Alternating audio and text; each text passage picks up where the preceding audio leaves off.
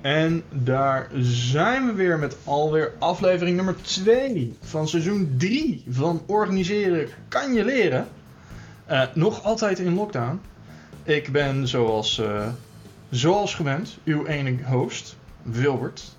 Een man die, uh, die toch erg mooi in high definition nu zichzelf beamt naar zijn waardige, baardige, maar vooral aardige collega Bart. Bart, hoe is het met jou vandaag? Hey, uh, hier gaat het goed. Fijn dat we weer aan het, uh, podcasten zijn. Ik, ik, kijk hier naar buiten en ik zie de eerste sneeuwvlokjes uh, vallen. nog net te vroeg, ze houden het niet echt vol. Maar het ziet er nou uit dat we binnenkort sneeuw hebben. Het is vandaag vrijdag de 15e. Ja. Zaterdag de 16e gaat het los, denk ik. Ja, gelukkig geen Spaanse toestanden. daar werden ze echt een beetje overvallen. ja. Over, even, gelijk even over Spanje. Heb je, er was een uh, geweldig Volkskrant artikel over wat... Uh, in Spanje heb je nu een vrij linkse regering, hè? Bestaande mm. uit, uh, uit Podemos, dus de, de, de, laten we zeggen de SP van, van Spanje. En de Sociaaldemocraten. En die hebben... Nou, het is niet zo dat, dat Spanje nou gelijk een Scandinavisch land is...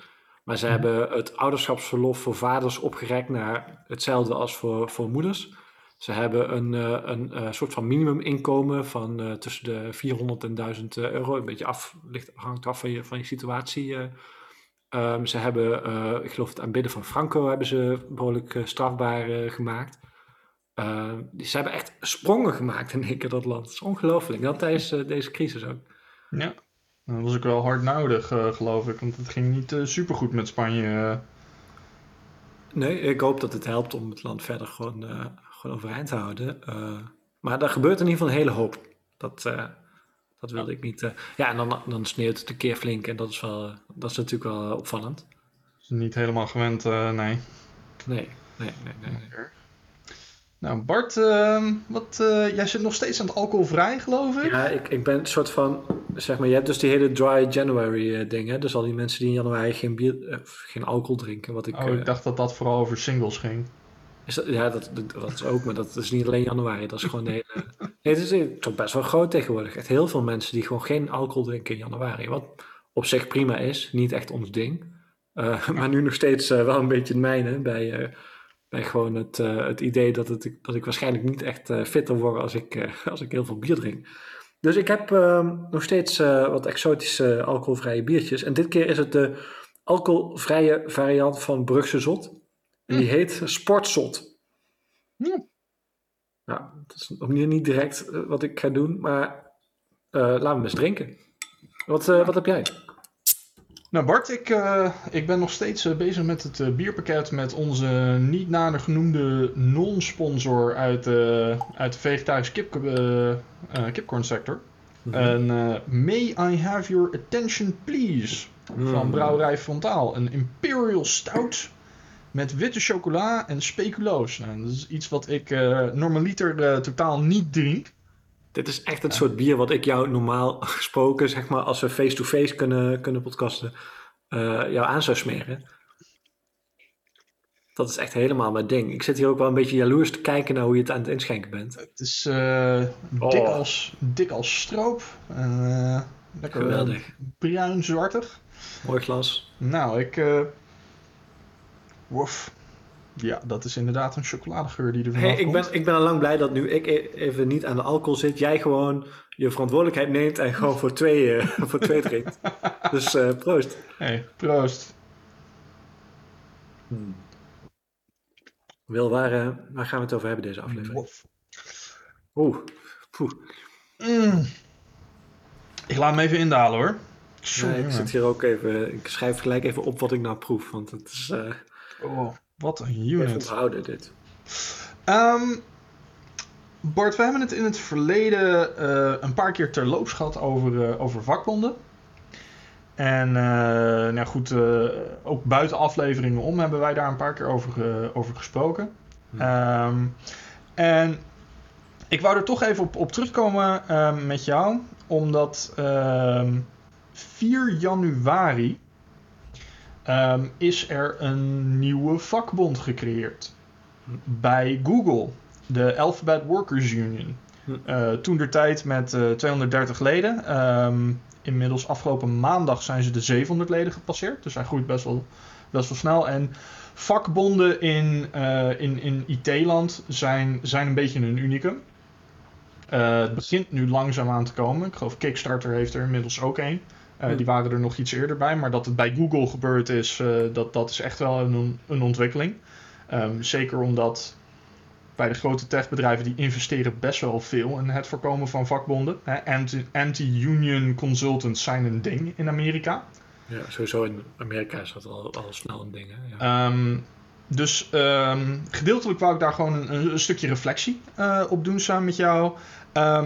en wat het ook deed met mij is, um, ik, ik ben even, ik ben even uh, teruggegaan in de tijd ook. En een, uh, een bedrijf waar ik in het verleden bij gewerkt heb, ik, ik ga geen namen noemen.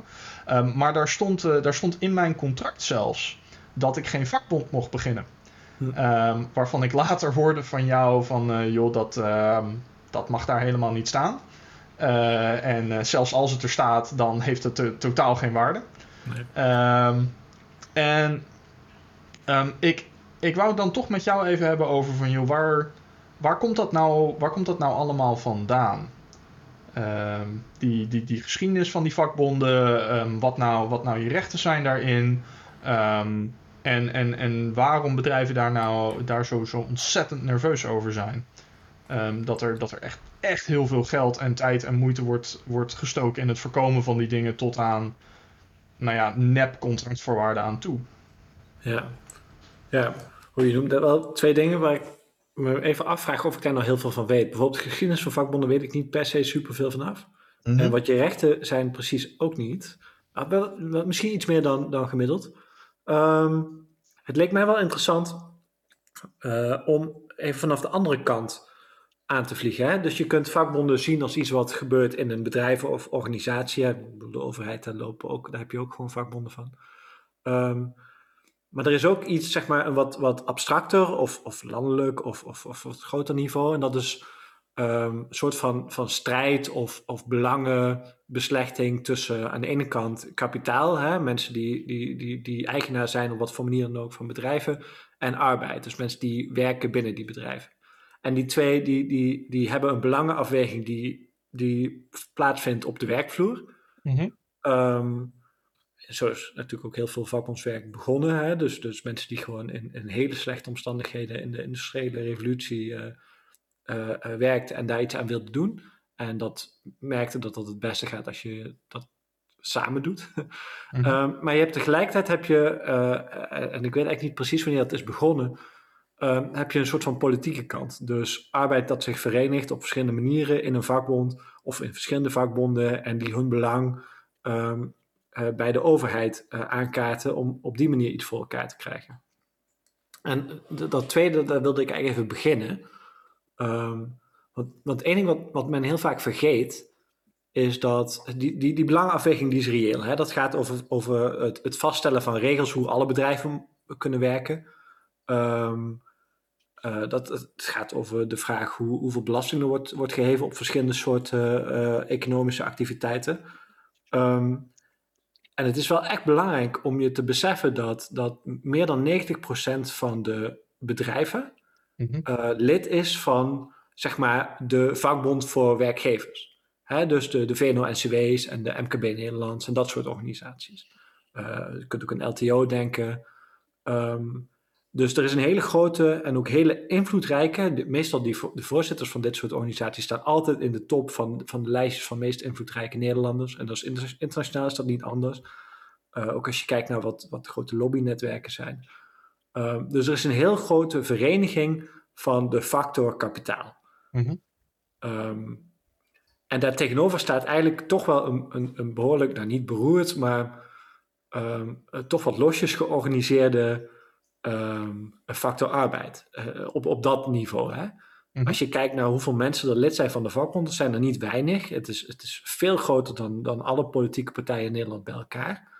Um, maar het is slinkende en het is uh, toch wel klein vergeleken met hoeveel mensen er zijn. Hè? Als 90% van de, van, de, van de werkers lid zijn van de vakbonden, dat is, dat, is, dat is minstens vier keer zoveel als nu het geval is. Ja, dan hebben we het toch over echt een paar miljoen Nederlanders. Ja, dan heb je het over, wat het zijn, uh, 7, 8 miljoen Nederlanders of zo. Ja. En terwijl, terwijl, maar als je dat dus vergelijkt hè, met, die, met die werkgevers, daar is die organisatie gigantisch. Dat is Ja. echt wel, toch wel, wel belangrijk om je te beseffen, dat die, die, die, in ieder geval op dat niveau, dat dat eigenlijk een vrij ongelijke strijd is. Mhm. Dan kun je zeggen van ja, voor veel van mensen is het moeilijk om lid te zijn van een vakbond of onduidelijk wat.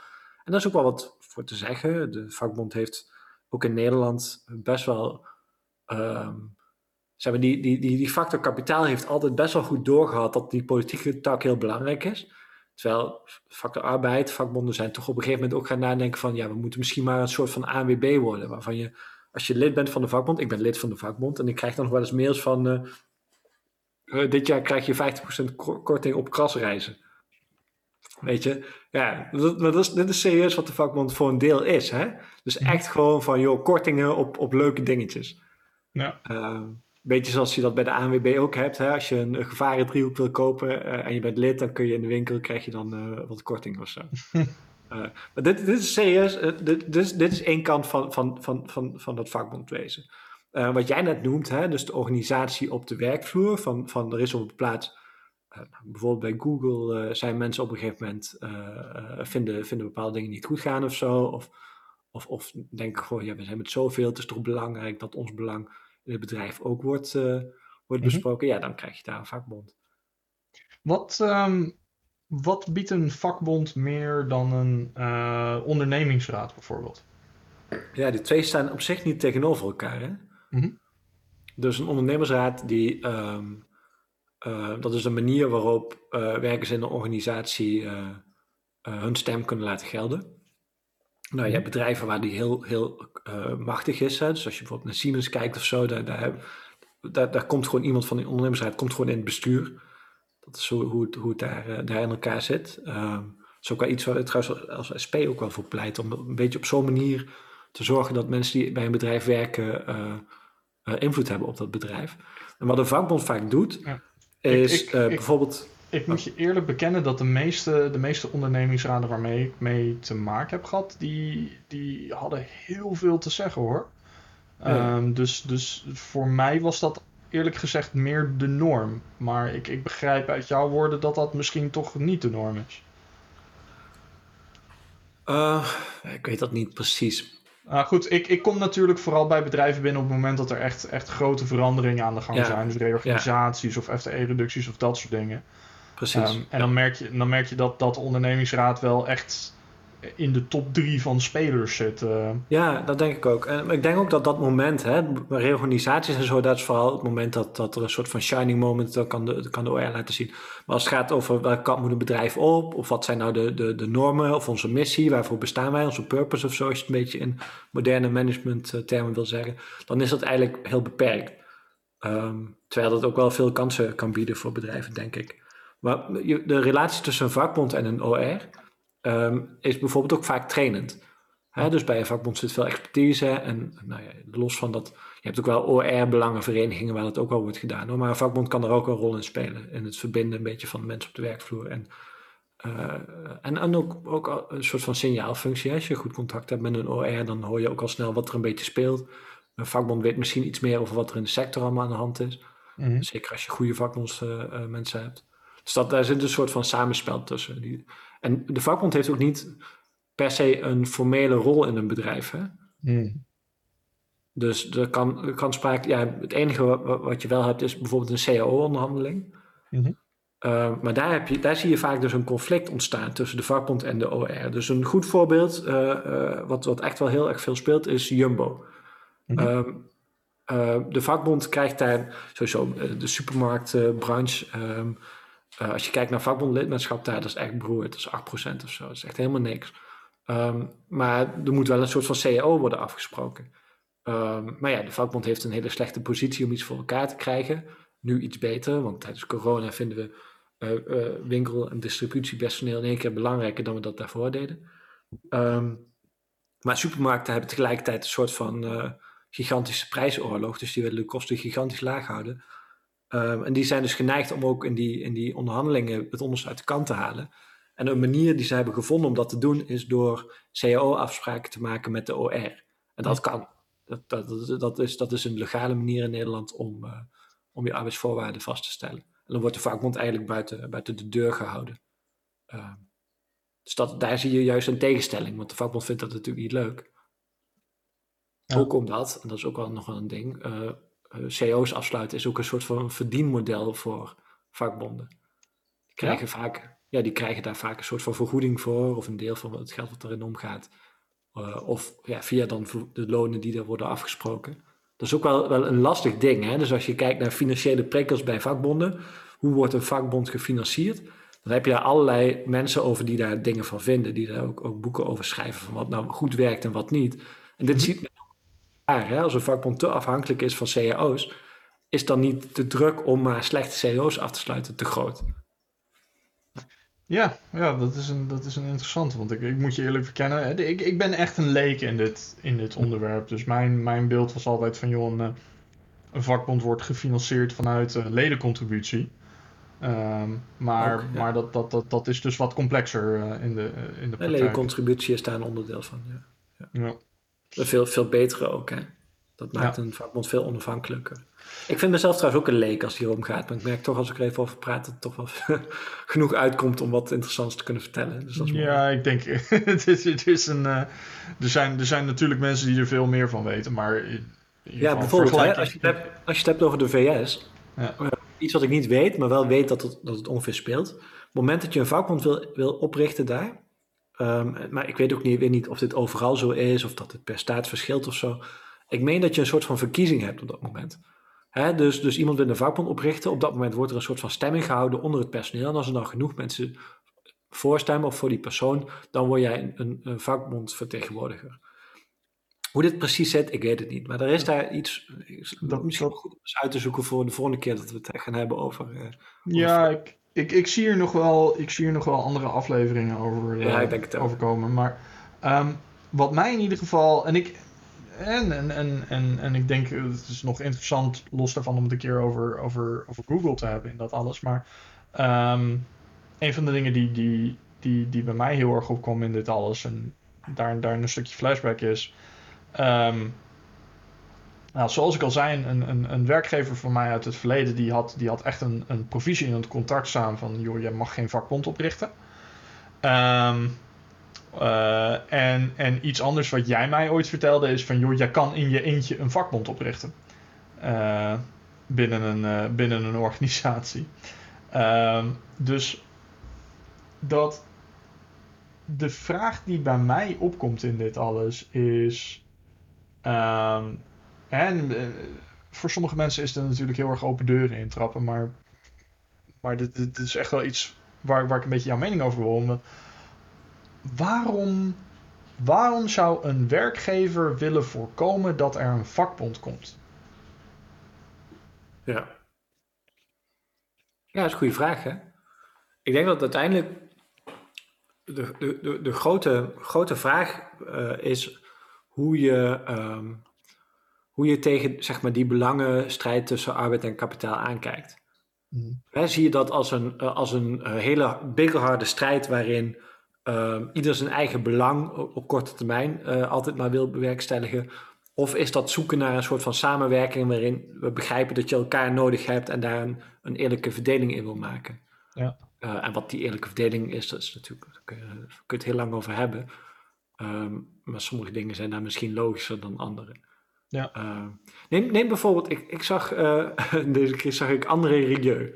Mm-hmm. Dat vind ik een goed voorbeeld, omdat bij familiebedrijven uh, speelt de vraag en ook de wens om een vakbond of wat dan ook vaak ook wel wat minder.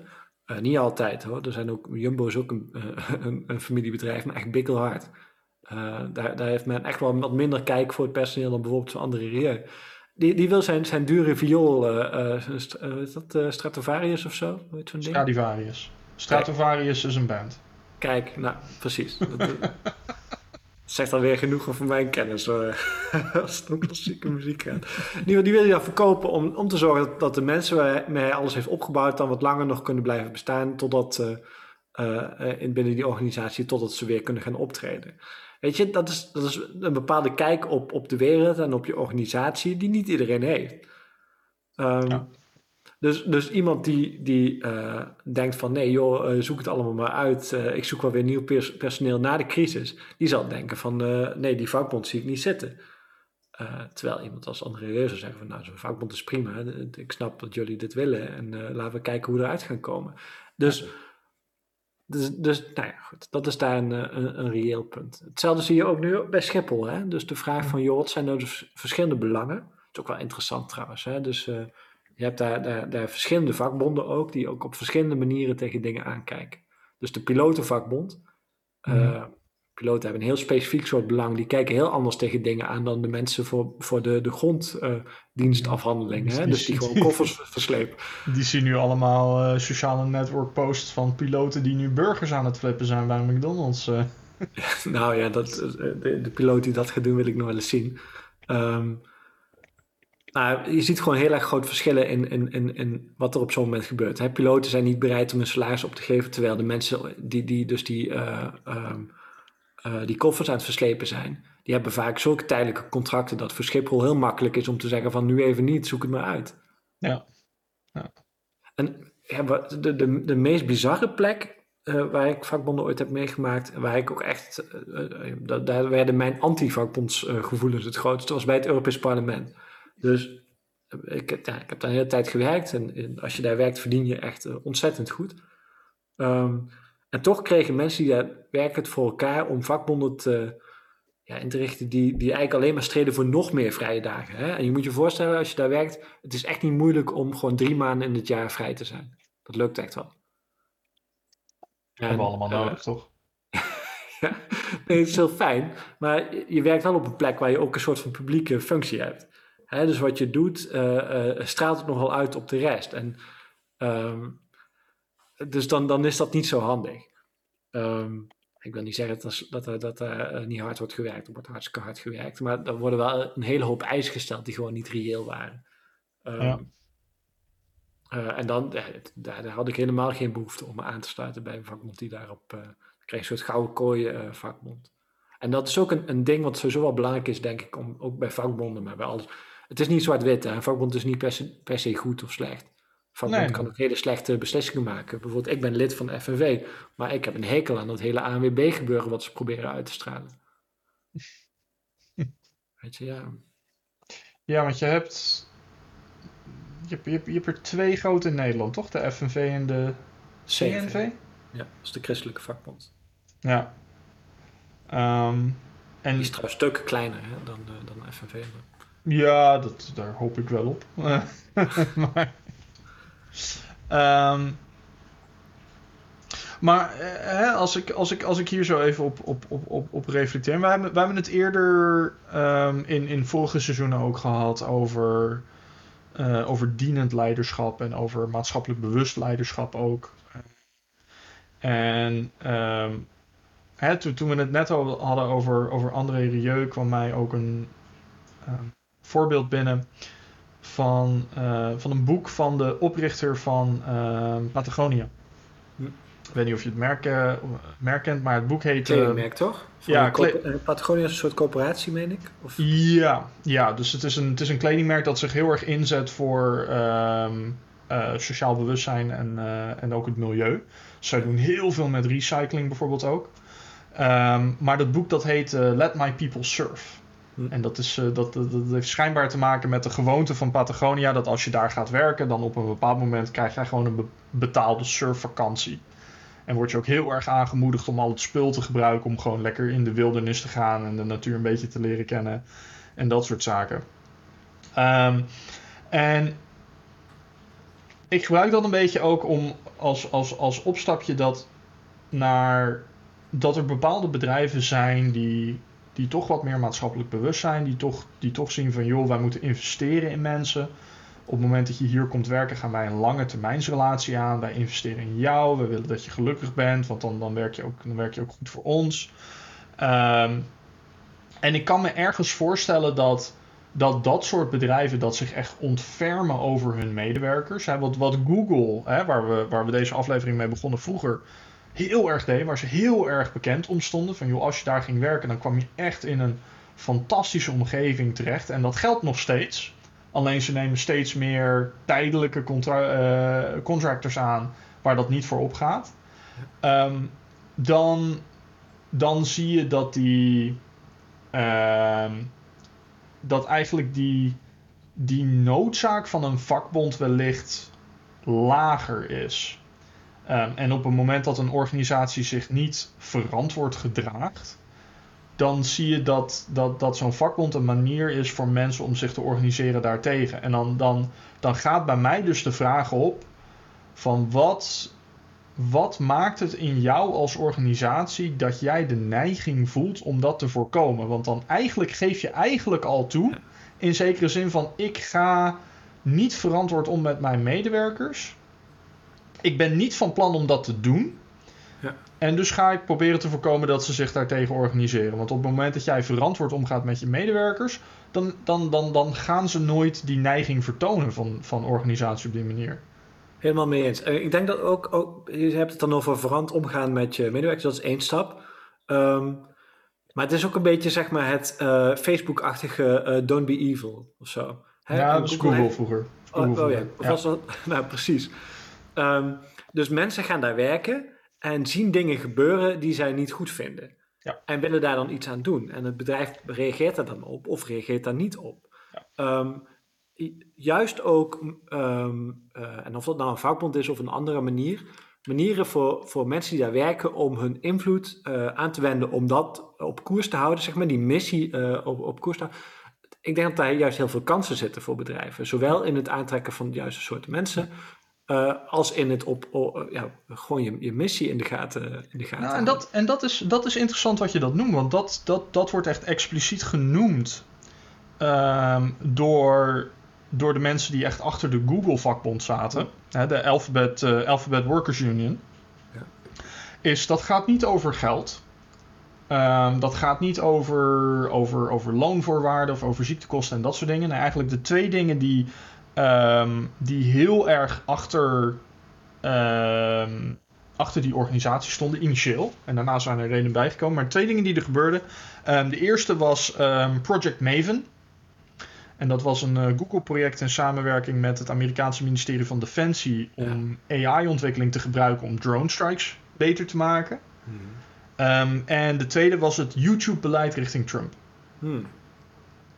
En bij beide vonden ze, vonden ze dat het bedrijf een ethische verantwoordelijkheid had om um, ja, niet mee te werken aan Project Maven en om harder op te treden tegen, tegen Trump. Ja, daarnaast zijn er nog allerlei dingen bijgekomen. De, de censuur van een van hun wetenschappers. Um, die ontslagen werd omdat ze, omdat ze zei dat er uh, racial bias zat in bepaalde datasets en uh, nog een paar van dat soort dingen. Um, maar daar, daar zie je eigenlijk, en bij Facebook zie je een beetje hetzelfde ontstaan, um, dat, dat die organisatie die we traditioneel zien, die veel al gaat over kapitaal en macht hè, en arbeidsvoorwaarden, dat dat, dat dat daar eigenlijk helemaal niet het geval is. En dat het daar eigenlijk veel meer gaat over de bedrijfsethiek. Ja, ja. Nee, dat is ook veel meer wat daar speelt. Ja. Vaak zijn die lonen wel oké, hoewel de plaats waar ze werken zijn de levenskosten ook duur. Dus dat zal ook altijd een uh, onderdeel zijn. Maar... Ja, en, met, nou goed, de, alle, al, al die bedrijven hebben aangekondigd dat ze een remote first uh, ding gaan organiseren. Dus dat, dat gaat echt andere vormen aannemen. Um, en dat, dat, zien we, dat zien we hier in Nederland ook. Met een beetje mazzel zien we de huizenprijzen in Amsterdam uh, kelderen. Ja. Omdat ook veel meer mensen remote gaan werken. En met heel, veel, heel veel mazzel zien we Amsterdam in zijn geheel in de zee kelderen. Want het is een stad. Uh, je zag het van de week, hè? Dus dat de Amsterdamse prijzen waren 3% gedaald. En in Zutphen ja. was het 20% gestegen. Dus ja. dat, dat, zegt wel, dat zegt wel genoeg op zich. um, hey, over die censuur moeten we het ook nog een keertje hebben dat is ook wel interessant wat daar allemaal gebeurt. En wij denken er toch wel anders over. Maar er zijn wel wat, wat recente ontwikkelingen waar dat toch wel eh, ja, zeker. over moeten hebben. Ja, zeker. uh, hoe was jouw biertje?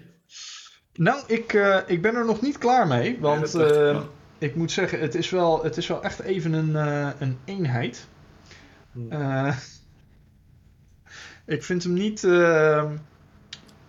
ik vind hem niet super slecht, maar ik, ik merk wel dat ik toch, toch even moet mediteren na elke slok om, om weer mijn, mijn centerpoint te vinden. Oké, dat is vrij netjes gezegd nog. Uh, ja, ik zou zeggen, als jij, als jij het soort persoon bent dat graag Imperial Stout drinkt, um, of gewoon afgewerkte motorolie, uh, dan ga je dit heel lekker vinden. Als jij het persoon bent dat vooral uh, toch, toch wat meer richting de IPA's en dergelijke gaat, uh, met beleid. Hm. Maar hij is zeker niet slecht. Oké, okay, oké. Okay. En ja, ik, ik, heb die ook gedronken een keer, dus het, uh, ik weet dat die, dat die lekker is. Nee, ik, ik, ik, schreef gelijk, want ik dacht al, ik ga het helemaal vergeten als ik het niet opschrijf. Um, het biertje smaakt een beetje naar van dat zure snoep. Mm, van die Napoleon. Ja, dat ken ik dan weer niet. Maar het zal vast het uh, snoep is snoep. Um, maar gelukkig viel het wel weer een beetje mee. Um, wat wel mooi is, heb, zie je die, uh, die schuimkraag? Oh, dat is een mooie schuimkraag. Ja. Dus dat mag ook gezegd worden. Dat zie je niet zo vaak bij, uh, bij alcoholvrij bier. Dus dat hebben die Belgen goed voor elkaar gekregen. Het is, het is smakelijk. Ik vind, um, zeker als, als het gaat om gewone alcoholvrije bieren, dus niet waar uh, geen wit bier of geen desbier of zo, um, vind ik alcoholvrij bier vaak niet zo heel erg lekker. Het is zeg maar goed genoeg als vervanging van bier, maar daar houdt het wel een beetje op. Uh, en deze is dan, nou ja, als je van zuur snoep houdt, dan, uh, dan kun je hem goed drinken, maar anders zou ik het niet doen. Ja, ik, ik moet zeggen, alcoholvrij bier Um, ik vind het niet zo super interessant over het algemeen. Uitgezonderd 0.0 raadlertjes. Ja? Die, oh, ik heb juist... oh, die tik ik echt met genoegen weg. Maar dat heeft niks met bier te maken. Maar ik vind dat het klinkt gewoon lekker. Ik weet niet, in, in mijn studententijd, hè, ik, ik ging nog wel eens een keertje uh, gewoon een maand lang even geen bier drinken, maar ik wilde dan wel uit. Dus, mm -hmm. neem, je, hebt, je, hebt, je, hebt, dat keldertje in Nijmegen, hè, waar wij ook nog wel eens midden in de nacht zijn beland. waar, Um, ik, uh, waar ik toen uh, ja, uh, toch wat advances maakte op iemand wiens vriend achter haar bleek te staan. Ja, dat was allemaal heel erg interessant. Um, in ieder geval, ik, ik denk dat ik een van de weinige personen ben die daar, daar op vrij regelmatige basis nuchter was. Um, maar, maar, ik vond dat wel, wel leuk, om dan toch wel gewoon wel door te feesten, maar, uh, maar wel eventjes aan dat maandje geen alcohol te houden. Maar het probleem is dan eigenlijk dat je, als je niet aan het alcoholvrije bier gaat, dan zit je alleen maar zoet, zoete meuk te drinken. Al die coletjes en zo. Um, en zo'n radler is dan ook te zoet. Dus dan is juist een alcoholvrij biertje is dan erg lekker. Um, goed. Wat? Nou, hey, dat Bart, was hem denk ik alweer. Dat was hem absoluut weer voor vandaag. Ik uh, zie jou binnenkort weer. Hey, tot de volgende.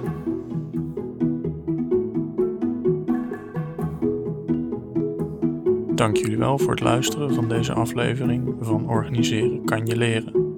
Mocht je vragen hebben over of commentaar hebben op hetgene wat we besproken hebben deze aflevering, of een suggestie hebben over wat we kunnen bespreken in een volgende aflevering, dan kan je ons bereiken op organiseren.pm.me.